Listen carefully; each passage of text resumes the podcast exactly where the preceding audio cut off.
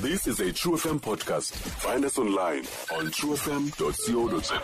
Be empowered on True Experience like no one else. And this morning we chat to Pastor Jay. Pastor Jay, good morning and uh, welcome. Ninja namhlanje. siyaphila black njani Siyaphila nathi enkosi kakhulu.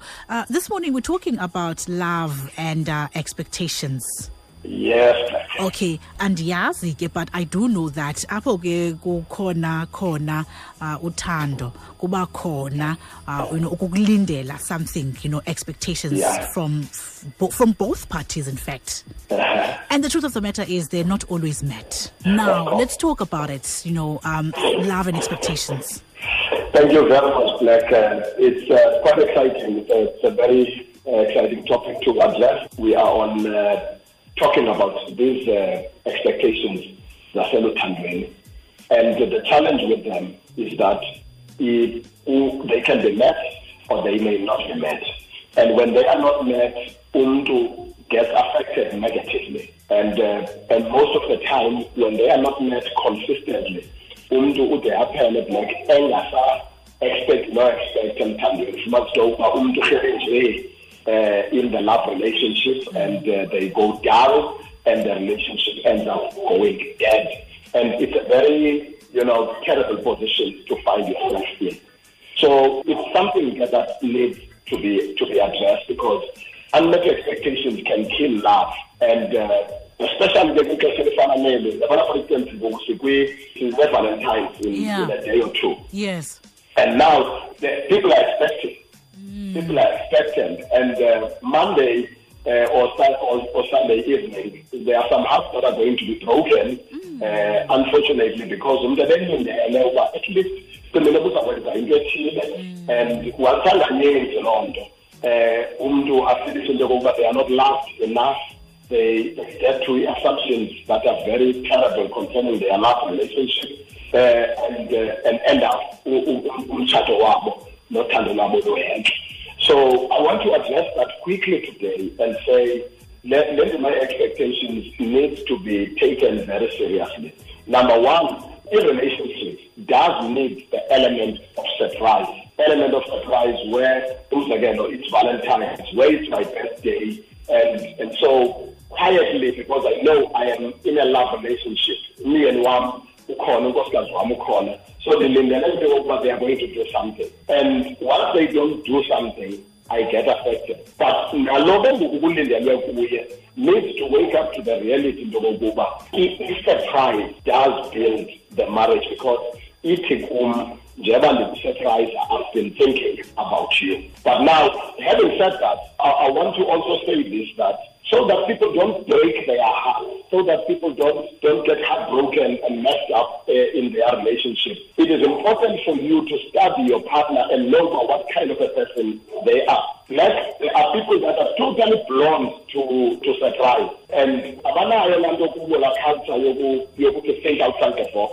You know, la la element ihambile edolophini acinga into namhlanje umntu wam um inkosikazi yam ndizayithini umyeni wam uh, how can I surprise them? They don't have it. Some people, even when it comes to these special days, like uh, they have never nabo omnye kwa-birthday kwayakhe so it really doesn't matter ulibala kwayi-birthday so xa ulibala nale kankosikazi okanye nale nale unfortunately most of the time it's us men who forget about these things and uh, u- akayile- akayilibalanga ngaboni uyilibele nje because it really does not matter to them so this is what I say to people in a relationship. If your husband is like that or your wife is like that, they tend to forget when they expectations. It doesn't have to remind them. It doesn't have to, to alert them about, yeah, wawusoyibhala ntoni emfundini um izawuthini into you know. When you are doing that you are preparing and protecting your own heart because uyamazi lo mfo ngumkhaya uyazibala uyamazi unkosikazi wakhe into yokuba naye akakho kwezi zinto mhlawumbi because bakhona who are not so fragile or so sensitive kwezaa zinto um babhizi i-administrators baformal nabo bahamba straight and now if mna as a husband ndine-the expectations i need to be able to alert them ayo hey ibirthday yam ngomso mfundi bengayilibali ibirthday yam kuzawuthiwani i-valentines what are we going to do when you do that what are you doing? You are helping yourself and you are helping them you are reminding them into kokuba don't forget this I'm using very simple things when it comes to these expectations, talking about birthday, special events, yeah. Valentine's Day type of a thing. But this goes even into other areas. I expected, I expected them to say sorry. I expected them to, you know, to indicate into yokokuba um ufikile egoli ubeletshabele sibheke egoli ndithule ndilinde ndizomkhumbuza nje ndifuna umbona into yokokuba uzawutshona are they going to tell me that they have landed ihambe imini kube thuthi um emalanga atshongo and then i begin to say inoba zibalulekanga kuye how can they travel all the way inoba out of sight out of mind and yes, it's totally not like that. They are just not wired that way. Because some of us are wired to, are given to being accountable and to say, touch, touch down now, baby. Uh, and then the landed in OR Tambo, you know, disembarking, you know, we, we narrate every story because you are wired like that. You are given into detail. Now, when you are wired like that, the tendency is to expect the same from the other person. If they don't know that, tell them, because if I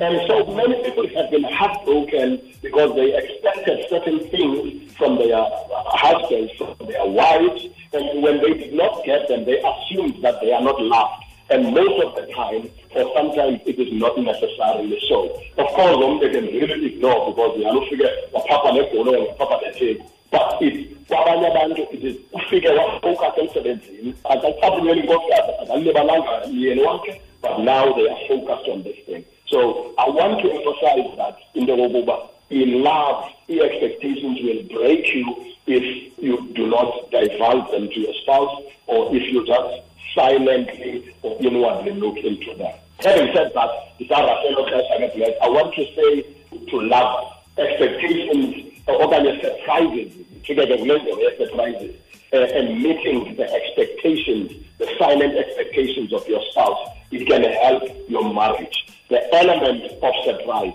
is very important.